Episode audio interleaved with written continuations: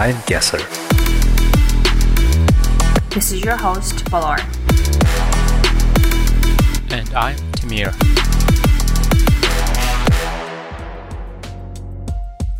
Hello, hello. Thank you for listening to the 77 Nation podcast. We cover politics, economy, international relations, and other important topics that influence our daily lives. As your host, I am Balor, and my co host, Gisir, is also present. Today, we will be speaking with Dr. Marissa Smith. She's a frequent commentator on Mongolian politics, economy, and mining related issues. She's an anthropologist by profession, and she has lived in Mongolia before. And I believe she can read and write in Mongolian too. Is that correct, Marissa? Yes. nice. It's well, very exciting well, to you. Yes. yes. Well, welcome to our podcast and thank you for joining us today. We will be discussing about the recent presidential election, voter turnout, and perhaps some policy, foreign policy, and party politics, if you don't mind. Yeah, it sounds great. I'm very excited to be here and to uh, discuss with with both of you. Wonderful. So there were many new elements that Mongolia has never dealt with before during, you know, this past June 9th presidential election. For example, restricting COVID-19 guidelines, the self-evidence weakening of the major opposition party, Democratic Party, and of course there was no there was no public presidential debate. What is your overall take on all these aspects that played a major role in the presidential election? Yeah. Um, I mean, uh, frankly, I kind of feel like my head is like still spinning um, because the the election period itself, the campaign period itself, was so short, right? Fifteen days. Yes. To begin with, which is unusually short, right? Um, has it always been like that? I mean, obviously, compared with uh, large uh, elections like in the U.S., that where campaign mm-hmm. could take more than a year obviously they have to cover a lot of uh, different regions and, and reach as many voters as possible. But you know i feel like this has been a challenge that uh, many mm-hmm. opposition representatives have always uh, indicated as an issue because lesser known candidates don't have a chance don't stand a chance against major you know major parties and major candidates. Polar, has it always been about two weeks I believe I believe that's the presidential election law. Yeah. Okay, so I, I I feel like I looked it up and it was actually shorter than usual, but right.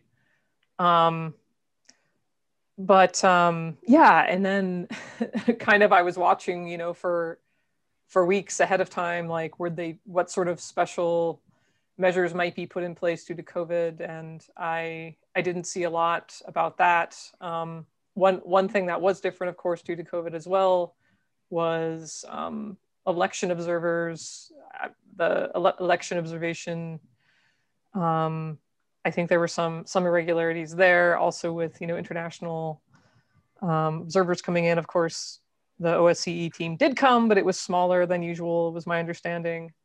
Um, and then, of course, right, um, I'm I'm watching the campaigns kind of on Twitter or at least or the internet at least there was a lot of relatively a lot of information about Khurelsukh's campaign and Enkhbat also.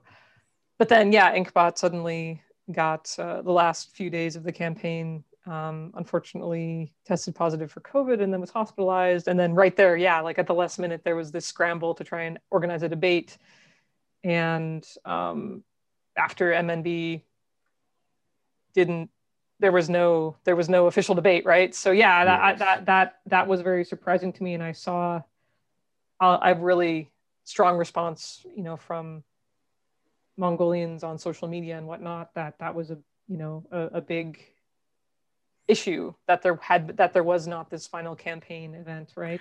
Yes, personally, for me, the, the the biggest issue with it is could it perhaps you know set a precedent for the future mm. debates when when similar to the the situation in Russia where uh, whenever it, recently there were presidential elections uh, President Putin wouldn't uh, Mm. wouldn't pre- be present at those debates, citing his business and you know uh, li- difficulty Oh. scheduling stuff like that. So, I mean, I understand that this time it was uh, unfortunate with unforeseen circumstances, but hopefully, hopefully this doesn't set a pre- set a precedent for the future debates. Right. Um, well, yeah, and just there was never any statement made from Khurelsukh, correct, or from the MPP about there there not being a debate.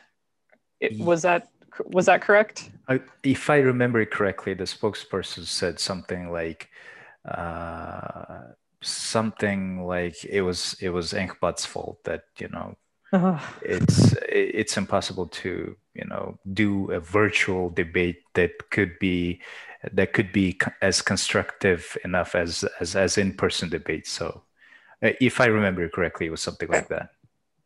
Mhm. Yeah.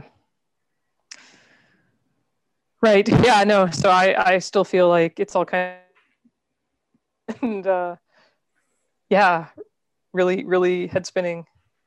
What is your what is your take on on the Democratic Democratic Party and its weakening of it?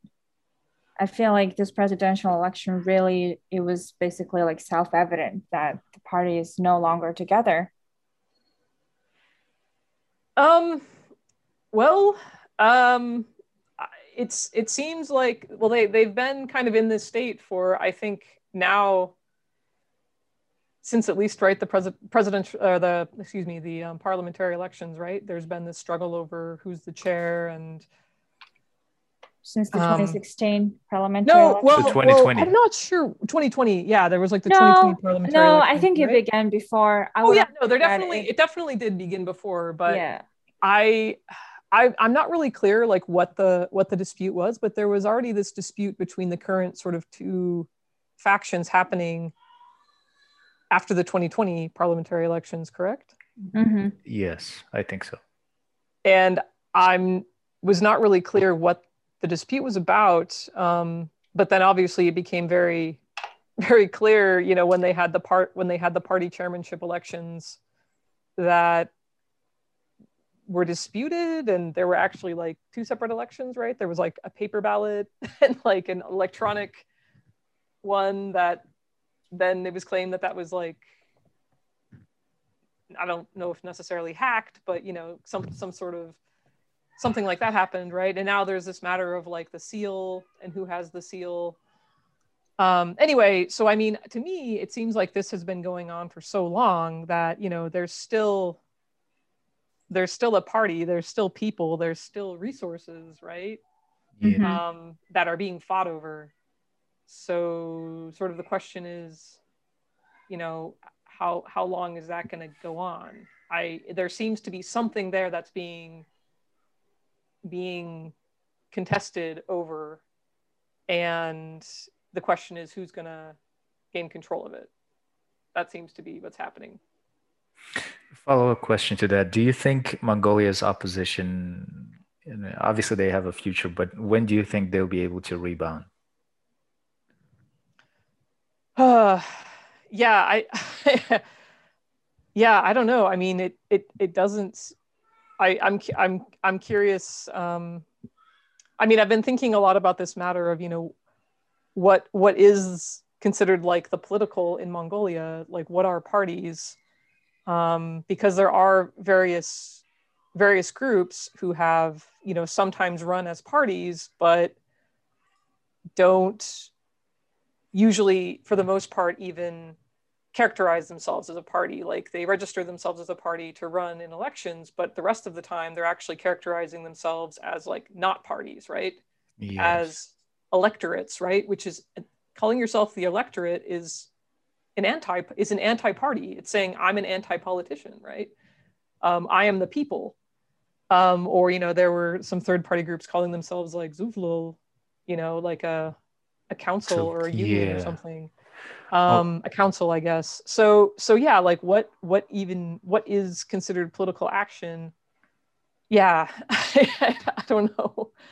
When you say electorate, for example, last year, uh, the current Hunnam, mm-hmm. Uh, you know, participated in the elections as as an electorate, right? Like Zohung is like uh, union, combina- union of, of the three or something. Would yeah. that be an example of uh, of an electorate that you mentioned?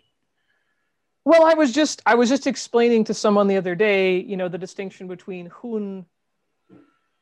Trans, someone was trying was saying like, oh well, you know, shouldn't this be translated as National Labor Party? And I was explaining to them that there is a National Labor Party, but then there's also this union that is, you know, Zuhun electorate, Yeah, ifsil, And- right? Yes. and it and then I was explaining to them, you know, what is this Hun acronym and why that would be being used by both in both senses and that there is overlap. But that's when it kind of dawned on me. I'm like, wait, electorate, like you calling yourself the electorate is is almost as like kind of it- it's a very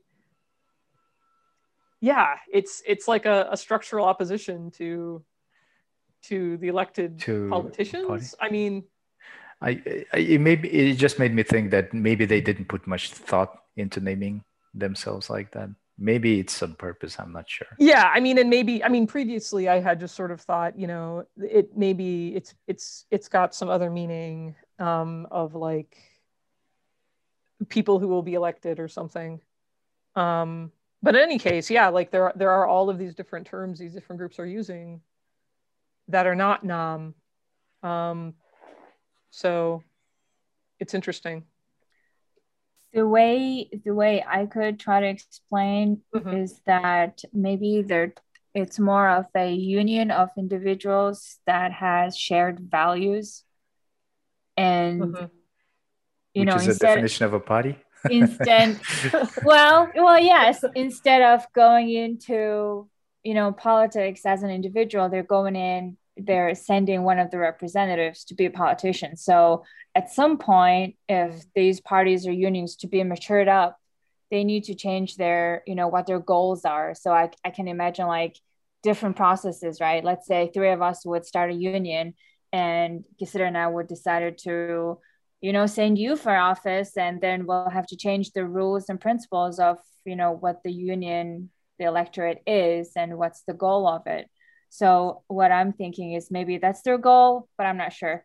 But going back to the democratic party question Gisela, do you have any opinion on that? Like was the voter turnout was any of these points surprised you at all Um, I I think you know to give uh, to give credit to the candidate Hurusu, he's been you know popular for a long time. Even you know setting an example of a prime minister who was able to you know stand his ground because yeah, before him the usual lifespan of a prime minister was very short and uh, that that signified the vulnerability of of the prime minister's office.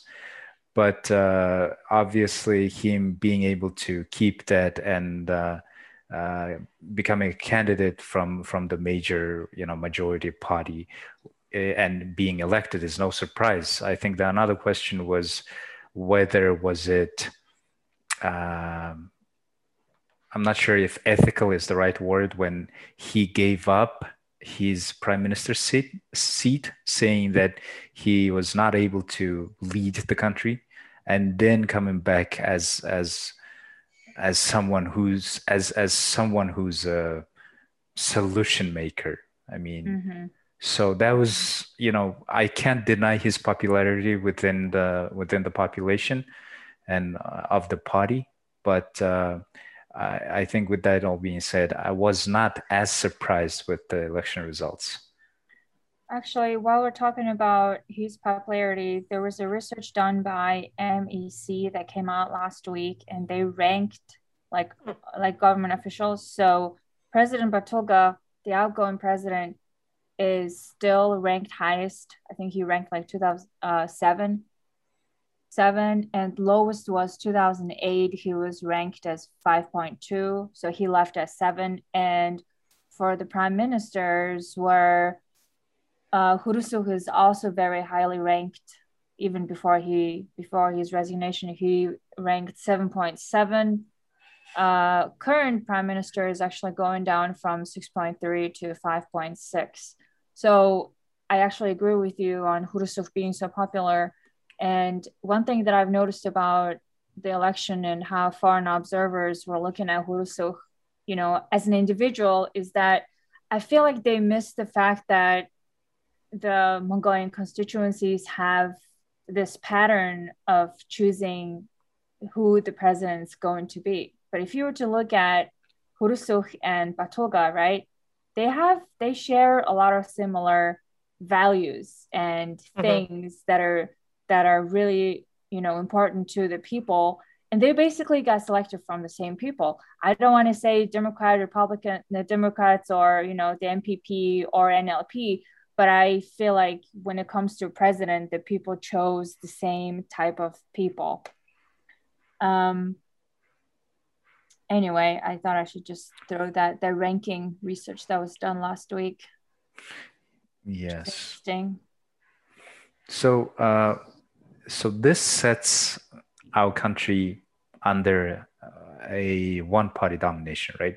So uh, marisa do you what do you think are the pros and cons of uh, of, uh, of such of such domination in mongolia? Well i i, I think um, for the the other you know foreign observers who who actually I think real like kind of know something about the MPP and haven't just been sort of ignoring it and engaging with you know the DP or or Hun. Um, the, the sort of consensus is that you know there are factions in the MPP and um, you know it is it is got a very well functioning you know uh, internal structure and things like that. So it doesn't this doesn't mean you know that there's like a monolithic power in charge right? Um, but yeah i mean i think it's it's very interesting uh, or it's the thing the thing to watch i guess is you know what what is the the the momentum has been to to disempower to, or to you know to change the balance of power between the president and the parliament right? With the yes. new constitutional amendments. Um so why you know why does Khurelsukh want to be president? Why does the MPP want to have the presidency? Right? It, it's yes. a little bit it's a little bit puzzling. Um, and then why you know why this whole thing at the end of January where there's this stepping down of Khurelsukh. You know what what's what's going on there? So is he going to be more of like sort of a figurehead? Is he going to be doing particular things, or are we going to see another, you know, several years of of power struggle really between the president's, the executive and the legislative branches. Yes.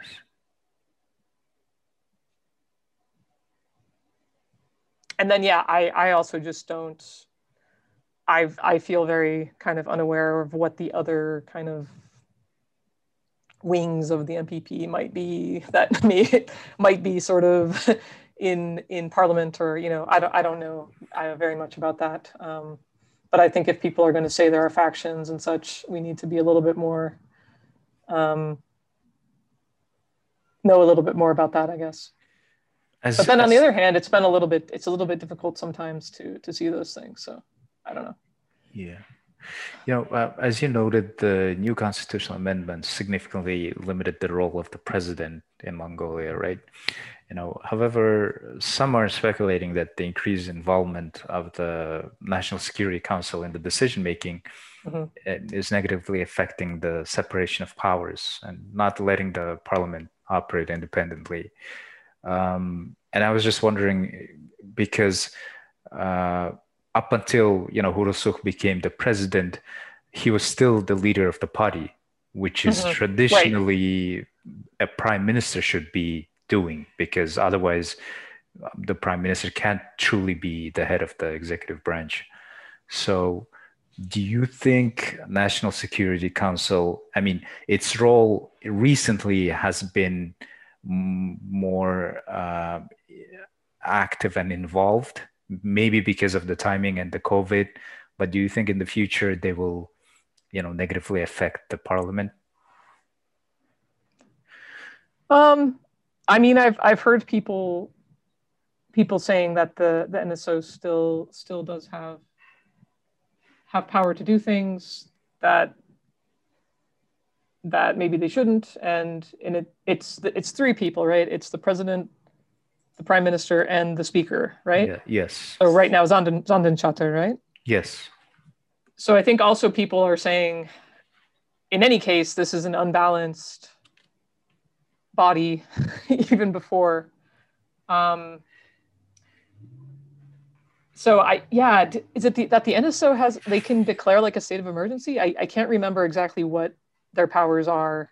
For example, if I remember correctly, it would be that per NSC's suggestion, mm-hmm. they they could recommend people in the in the judicial system or in the uh, prosecute uh, prosecutors mm. And uh, recommend them for a withdrawal to the parliament. And if it's accepted they could you know uh, make people resign. Mm, so okay. this by itself significantly undermines judicial judicial branch which is you know which uh, again threatens the uh, the separation of powers. But i hopefully I, at some point i heard that it was somehow also changed during the constitutional amendments uh, to the to the good side. But but again, NSC is still heavily influencing the work of the parliament. Am I mm-hmm. correct, Waller? There, I think, I think, I think, I think. Before we get to what the role of the National Security Council is, first we have to define what does it do and what its role. So the National Security Council is under the president's office. Okay and it has three heads, as Marissa said, the president, the prime minister, and the speaker of the house. When any of these bodies suggest suggest something, the parliament doesn't have to approve it. So unless the parliament approves it, mm. I don't see any problem of suggesting. It, it's sim- similar with any councils, right? You have you have members of different councils have a meeting and you write a suggestion of to, to certain issues. So unless the parliament approves it, why is that an uh, issue? I, I, I have a unless point on that. Uh, okay. and the um yeah, anyway, I lost train of my thought. But sorry, sorry. No, that that's very helpful.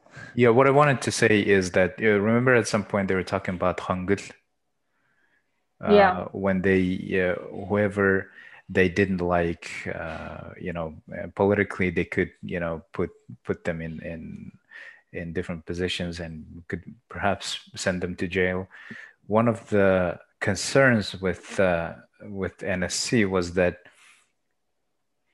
because they have a grip over the judicial branch whoever's opposing them in the parliament they could threaten them with different things and hmm. that's mm. that system by itself was called Hangul.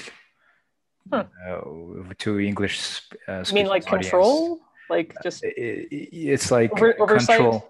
Yes, yeah. like uh, hidden control over the parliament members or whoever is in politics, and make them yeah. do stuff that they on, they want. So, because yeah. they have the grip over the judicial system, judicial branch. Yeah. So, uh, I mean, I think I think among foreign observers, the consensus is that the judicial there are so many problems with balance of power. At least, you know, sorry to sort of put it in an American too too American of a frame, maybe, but you know, the balance of of checks checks and balances between the three branches is so unbalanced. like there are so many ways that the judiciary is not independent, right? Yes. Yeah. Um, you know what I blame it on? No. A small population. a small population. It's only 3.3 million people. Everybody knows each other. Everybody knows who works where. Uh, and sorry, sorry, I'm I, am i am not sure what why am I interrupting you. I know. What's your problem? But... Do you have a problem with me? no, it's just I, I just want to say that okay, I'll, I'll I won't do this. I, I won't do that after this one, but I just want to mention, I think they bring example of one of the pre-Baltic countries, uh, mm-hmm. either Lithuania or Latvia, that has about the same number of population as Mongolia, that has, you know, the level of development since the USSR collapse is is is very different. Although you know the population wise and no people knowing each other is is the same thing, but they were, they were able to deal with uh, such hurdles much efficiently. That's a question for an anthropologist like Marissa. Why do societies do what they do? um, I, well, I think one thing that's also interesting about Mongolia is like there are so many. There's like a prolifer- per, despite you know it being few people, et cetera. Like you see a prolif- proliferation of agencies and bodies, right? Um, so, right, the new constitutional amendment amendment about maybe there was two separate amendments. I don't remember right now, but right there's this judicial councils, right? Um, there's the General Judicial Council, and then there was like another one.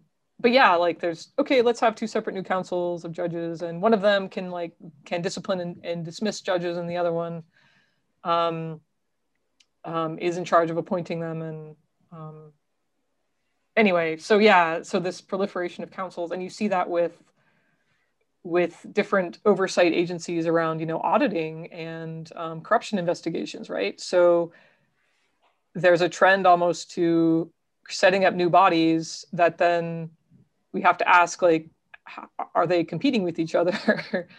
Um, are they trying to kind of take are they just going to be necessarily kind of having an issue over like who who has scope over what you know? Um, yeah.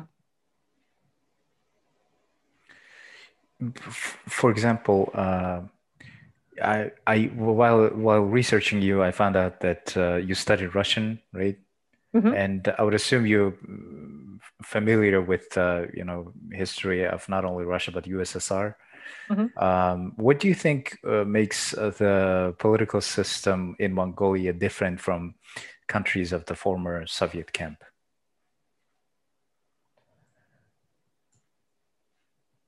Yeah, it's a good question. Um, um, I mean, I mean, uh, yeah, I, I, mean, I think, I think it is this, maybe something about this, this multiplicity and multilateralism might be a word for it. Um, yeah, I mean, clearly, clearly it is different, but it's, I don't, I don't know that I can kind of put my finger neatly on one one thing. you know, for example, when I was uh, mm-hmm. the the system for the parliamentary system, 1st mm-hmm. of all, is is something that uh, Mongolia has been mm.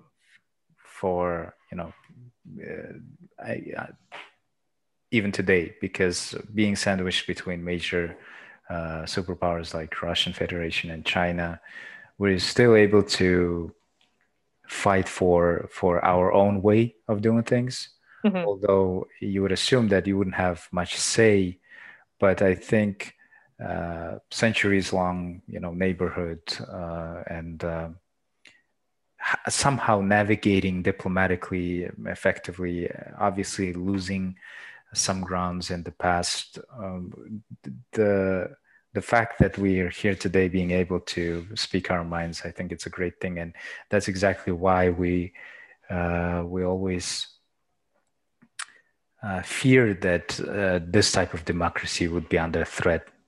So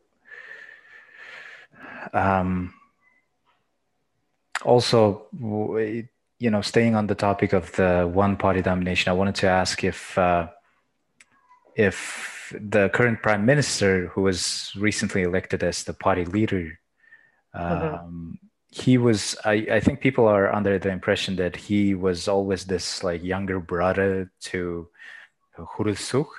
Mm-hmm. So, do you think at some point in the future, if they have, uh, if they'll have a hypothetical disagreement, do you think as prime minister he'll be able to stand against, stand strong against uh, against the newly elected president? Um, I guess I would say that up to now, I haven't really observed any sign of any any um, differences. Really, um, there seems to have been like a very strict division of labor. Um, although, of course, I I didn't see Khurelsukh. I saw I saw like one interview that Khurelsukh gave um, you know, between January and the start of the campaign.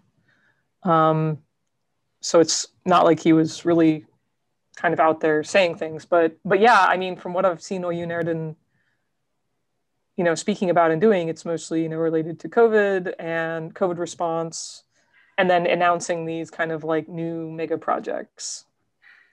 Um, so it seems like he's acting as kind of part of some kind of agreed MPP plan, right? And of course, he's associated with this like Vision 2050, these plans. Um, so I I don't see there being any big upset. But yeah, again, I I really don't understand why why Khurelsukh wants to be president and what he's going to do with that, um, unless it's just you know the the plan is to kind of continue this sort of coordinated MPP um, administration. I don't know. So I, I would say too too soon to say maybe.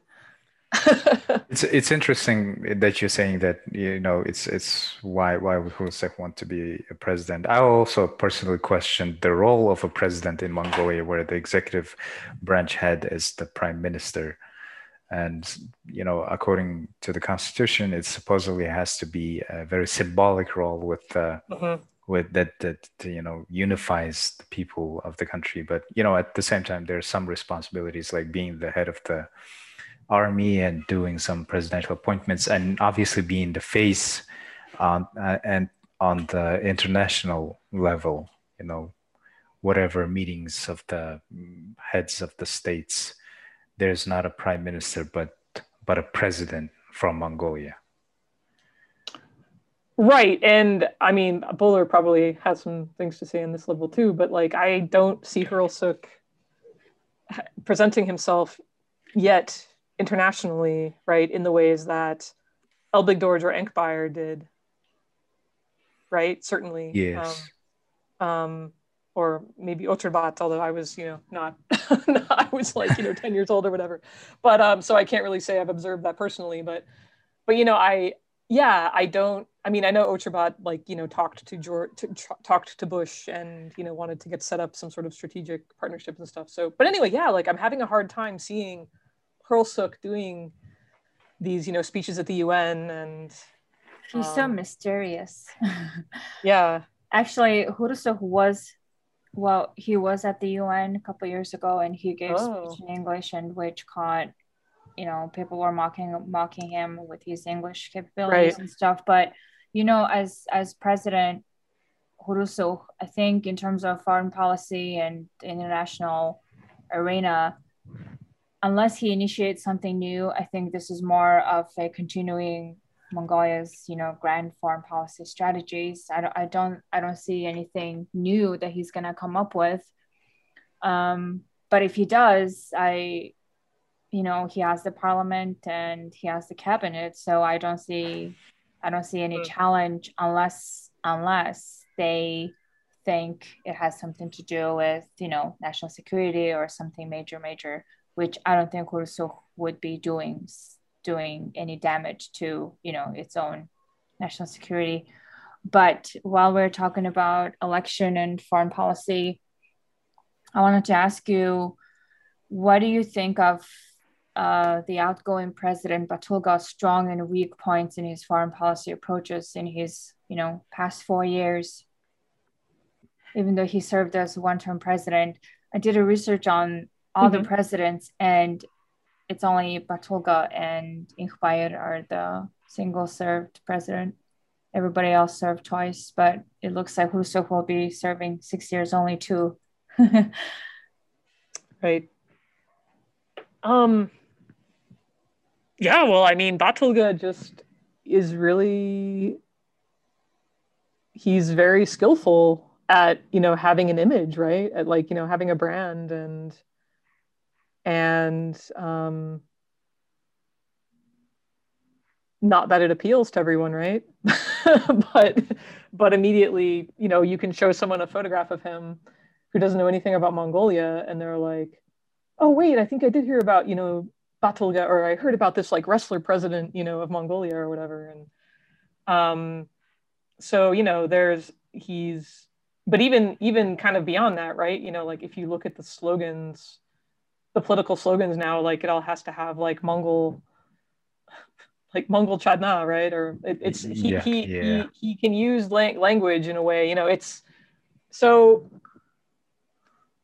um yeah again like Khurelsukh, he, he he's I, I don't know what kind of international image he's going to to present you know um and you know Elbegdorj certainly he he he also had had a way of kind of presenting himself internationally. Um that is kind of resonance resonates right? But but you know um I don't know. I mean, I don't know that I've, I've ever even like seen, you know, Hurl Khurelsukh wearing a deel until the inauguration.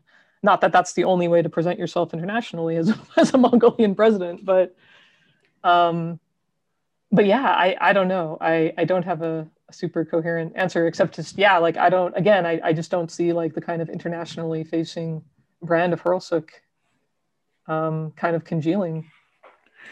Did Yeah. you notice uh, President Khurelsukh's uh, similarities in PR efforts to the president of Russia? The comparison, the comparison of photos. Khurelsukh's. Oh, well, no. And I was also just thinking that, you know, there had just been this, um, you know, high level visit where the Minister of Foreign Affairs, Battsetseg, went to Moscow like the first week of June.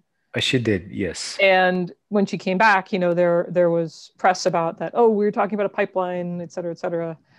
Um, but but yeah, so no, tell me, I I hadn't sort of searched like the Russian language news or anything to see what, what they had said or. Uh, Speaking of the foreign minister, I was actually very impressed with her Russian capabilities Mhm. when she did an interview on Russian television. It was very, it was Mhm. something that I haven't seen in a while. Um, uh, and I, I was talking about a photo comparison where, you know, uh, President Putin's PR team is is very effective to make him look Yeah. patriotic, courageous, the best person they can be. Yep. And uh, there was a comparison of photos of President Khurelsukh, which is identical, like in in Oh yes, of course. And then there was that that picture of him everyone was mocking with the memes of like, you know, pulling the tractor or whatever it was, right? yeah, like being uh, you know naked. Uh, Yeah, take with his shirt off. Yeah, like- yeah, on, Yeah, on yeah, the yeah, horse and stuff like that. Do you, do you think it's safe to assume that he's an admirer? I'm just Um speculating here, but yeah, I'm looking at the picture right now where it's he's literally like riding the horse around with his shirt off. Um I don't know. do people like it? I didn't see anyone who liked it. Like I, I saw everyone making fun of it, you know. Whereas whenever there's like a Battulga, like I don't know, I, I feel like I, I see, and Battulga never just like blankly copies, you know, Putin's photos, you know. um, it's not like a, you know, one to one, but um, yeah, I, I mean, I don't, I don't think that from that we can say that like Khurelsukh is is like an admirer of Putin or something. It just Kisira, Kisira, I have a question for you. Yes. And, and because you asked this question, I'm going to put you on the spot, okay? Okay.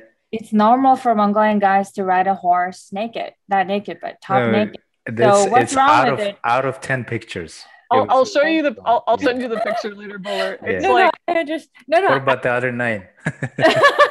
yeah, because you know not only the pictures, but the act of not attending the debate was a very concerning one to me. yes. So speaking of that, Marissa, were you in the club rooms at all that evening? Yeah, I I was. Okay, so I, so then you probably noticed that I had to wait like 10 minutes to log on because nobody would leave. I had to wait, but there was another room with MPP members oh, and I mean, which is fine, you know, which is fine. They can they can create whatever room they want. But Khurelsukh was still wasn't there. I was I was hoping, you know, maybe he was there, but I think that would create a I think that would create a um, even bigger issue. You know, if you're joining MPP members and supporters, then why wouldn't you join the other other clubhouse room where the two of the candidates were basically ready to debate? But that was um, while we're talking about clubhouse and debate. I wanted to specifically say this and that because the national television did not host the presidential debate, the independent medias have gotten together mm-hmm. to fact check. And the list of independent journalists and organizations are factcheck.mn, gogo.mn, icon.mn, time.mn, ubi.life.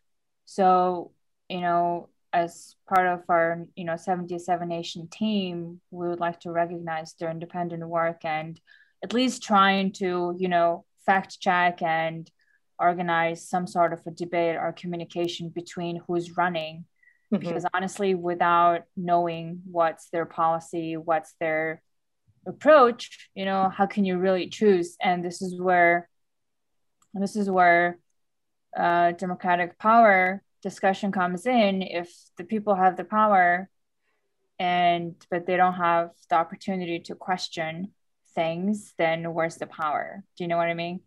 Mm-hmm. and i was really i was really miffed about you know not not having to have presidential debate. Yeah well i mean i, I mean and there just seems to be a pattern recently of kind of the government's eight organizations in mongolia and entities in power not you know there's all this talk about you know digital mongolia and e-mongolia but it's very the, it seems like a very unidirectional flow of information to me mm-hmm. um, and and also just withholding of information mm-hmm. and not just not just between from from mongolia to you know foreigners but just in general you know so um yeah speaking of which where in, in comparison to previous presidential elections, it seems that you know voter turnout this year was all-time low. Let's say you know half of the reason is because of COVID restrictions, but this year's was low as 59. What do you think the main reasons are, and why do you think the voter turnouts are continuing to drop in Mongolia? Hmm. I mean, I haven't looked at the numbers maybe as much as I would like to kind of try to come to some more solid hypotheses, but um, it does seem that there was to some degree like people who would have voted for Democratic Party withholding their votes until you know whatever is going to shake out shakes out. Um, I don't know that that would be a significant enough number to really have moved the needle at all. Um, I mean, it was really interesting, right, to see so many people vote for Enkhbat. Um, I didn't didn't necessarily expect that. Um, I thought there might be more, you know, blank votes or, I mean, actually, too, right? There's this there's this law that, like, according to the law, if if the turnout is less than fifty percent, right, then yes. the elections can be turned can be can be determined invalid. Um, so I was wondering if that was going to happen actually. Um, so, which it did not, but um, yeah, I, I don't know. I mean, it's it seems to be it seems to be a combination of of younger population, um, like less maybe maybe it just seemed that the turnout with this with this election kind of seemed obvious, right? Um, I mean, it's a huge con- it's a huge contrast with 2017, right, where there was like a runoff and or there was the second the second round of elections, and um, so I don't I don't know that we can say that there's like a sort of trend emerging that's directly related to like you know changing demographics in Mongolia or something like that. What I heard a lot from my peers mm-hmm. was that there was no competition this time yeah even if they didn't uh, support mpp they recognized that the popularity of Khurelsukh. So they simply were not interested because they said their vote wouldn't matter. So I mean, I try to discourage as much such behavior because you know every vote matters. But um, you know that was that was something that I've heard many multiple times from from my peers. Um, Enkhbat, yes, he as at least on the social media, he was gaining some traction. But you know, social media is not the reality, and reality is not social media. Oh, right. But I mean, I agree. Thank you. but he got that. like 20% he got like 20% of the vote in you know Orkhon aimag. um Okay, people yes. people in, in Erdenet people I know in Erdenet who are not you know who are like in their like you know 50s and 60s who who who are not definitely you know not on on Twitter you know like Yeah. um you know they were turning their Facebook their Facebook into you know This- supporting Enkhbat. So so I don't know. There was like something, um, yeah, like people I know very well in Erdenet were suddenly supporting Enkhbat. You Yeah. know, um, I don't know, but This- but again, I think I think it was, and I mean, one of them I talked to. You know, it was kind of like, oh yeah, well, you know, obviously he wasn't going to win, but you know, I want to so, show support for for a change, and I have similar values, right? uh, I think this is the trend that I also saw last year when from uh, from Erdenet there were three elected members from Erdenet were all from three pa- different parties, Yes, yeah. right? And people are saying that you know it, it could be an interesting example as society uh, becomes wealthier because Erdenet is uh, you know fairly middle class population as society develops and then becomes a bit more wealthy they tend to you know make more informed decisions or you know sway away from from populistic ideas i mean it's just an assumption at this point but but it was also interesting to hear from you saying that about this presidential election as well because i'm i, I was born and raised in erdenet also Hmm. I also saw that you did a research, your dissertation on relations of international friendship in Erdenet, right? Mhm. Uh, unfortunately, I wasn't able to read it yet, but uh, you know, as someone who's who's for whom Erdenet is uh, is not an inter- indifferent topic, I, I was curious if uh, what do you think of the future of the place? You know, once the EMC exhausts, what do you think we should expect? Ah. yeah, yeah. I, I, it's not going to just exhaust, um, but I guess be my maybe sort of just simple statement, I guess, response to that. Although I understand the kind of narrative weight of that and the. So maybe I wouldn't reject the kind of narrative out of hand, but but um, I guess I would emphasize that you know Erdenet is a it's, it's it's an entire complex, right? It's an entire infrastructural hub. Yes. Um, it's not just Gawk, and Gawk is not just a mine. Um, would maybe be the short answer. yes. Um, how, how did you like Erdenet? it's, it's oh, I my love I love it there. Yeah. Mirza, how'd you like Ulaanbaatar? I'm from UB. I, I also love Erdenet. Yeah, you, did, love you, you didn't like UB, right? No, I also She loved I also, UB. She loved UB. I also love UB Okay. I Sponsor Vanzerk. Yeah. Weinzerk, okay. actually we should speak Mongolian. Чи монголоор ярьдаг үстэй. Yeah, I, why, why, why chi? Та монголоор ярьдаг үстэй. But чи зүгээр зүгээр бид бид нэрээ нэг э, насныхан магадгүй. Okay, ингэсэн байхгүй юу? All right, I'm gonna start speaking Mongolian, okay?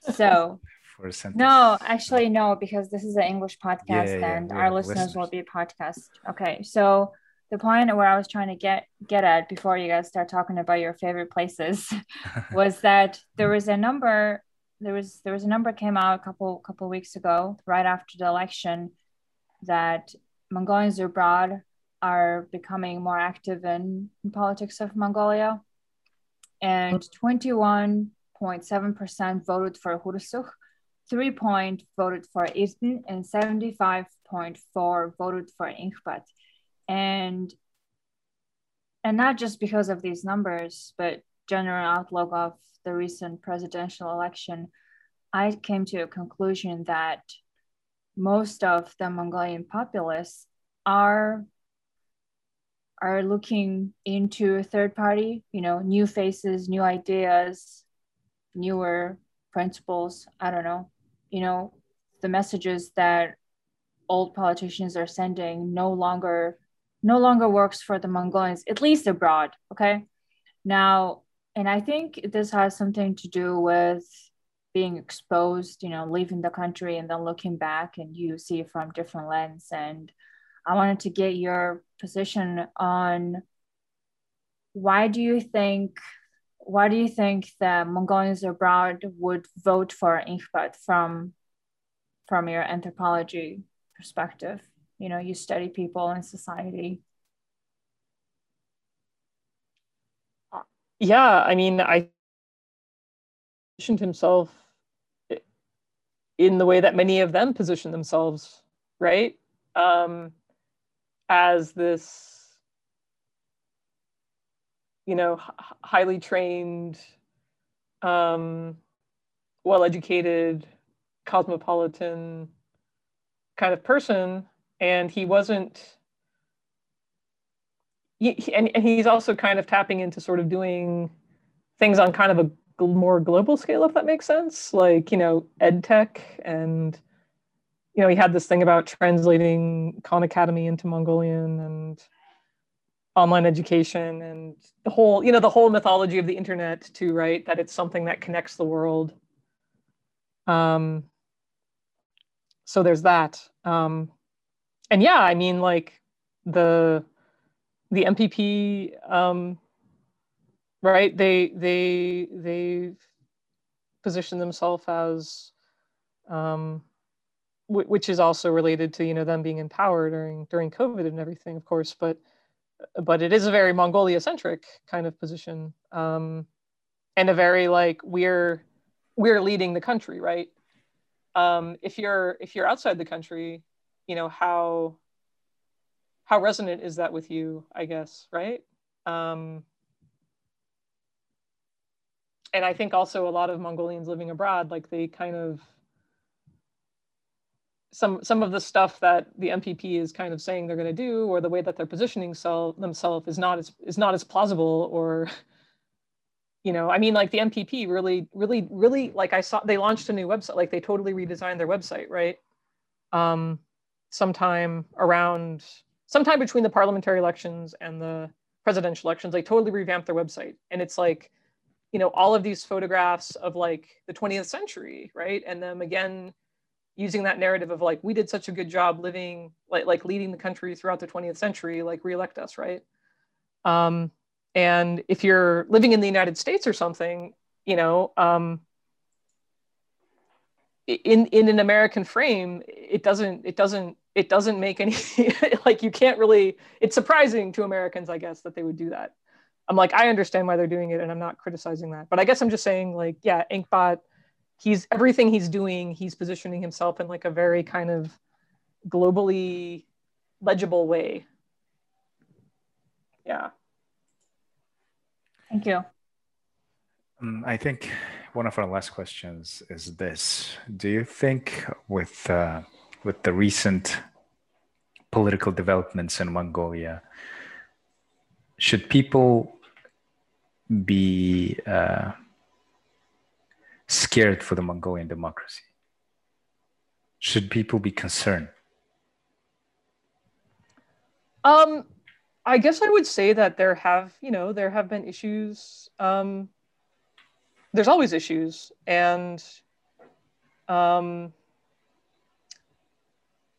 I, I, I think, may, I mean, maybe, maybe this will sort of cause people to take a little bit more of a deeper critical look at at you know, governance in Mongolia, Mongolian politics than they were previously. Um, because, you know, especially from American political scientists and such, there is a very, there was a very, there's been a very shallow assessment for many years um, that has really overlooked um, some important dynamics. So I, I don't really expect there to be a huge change with this, but it's certainly um,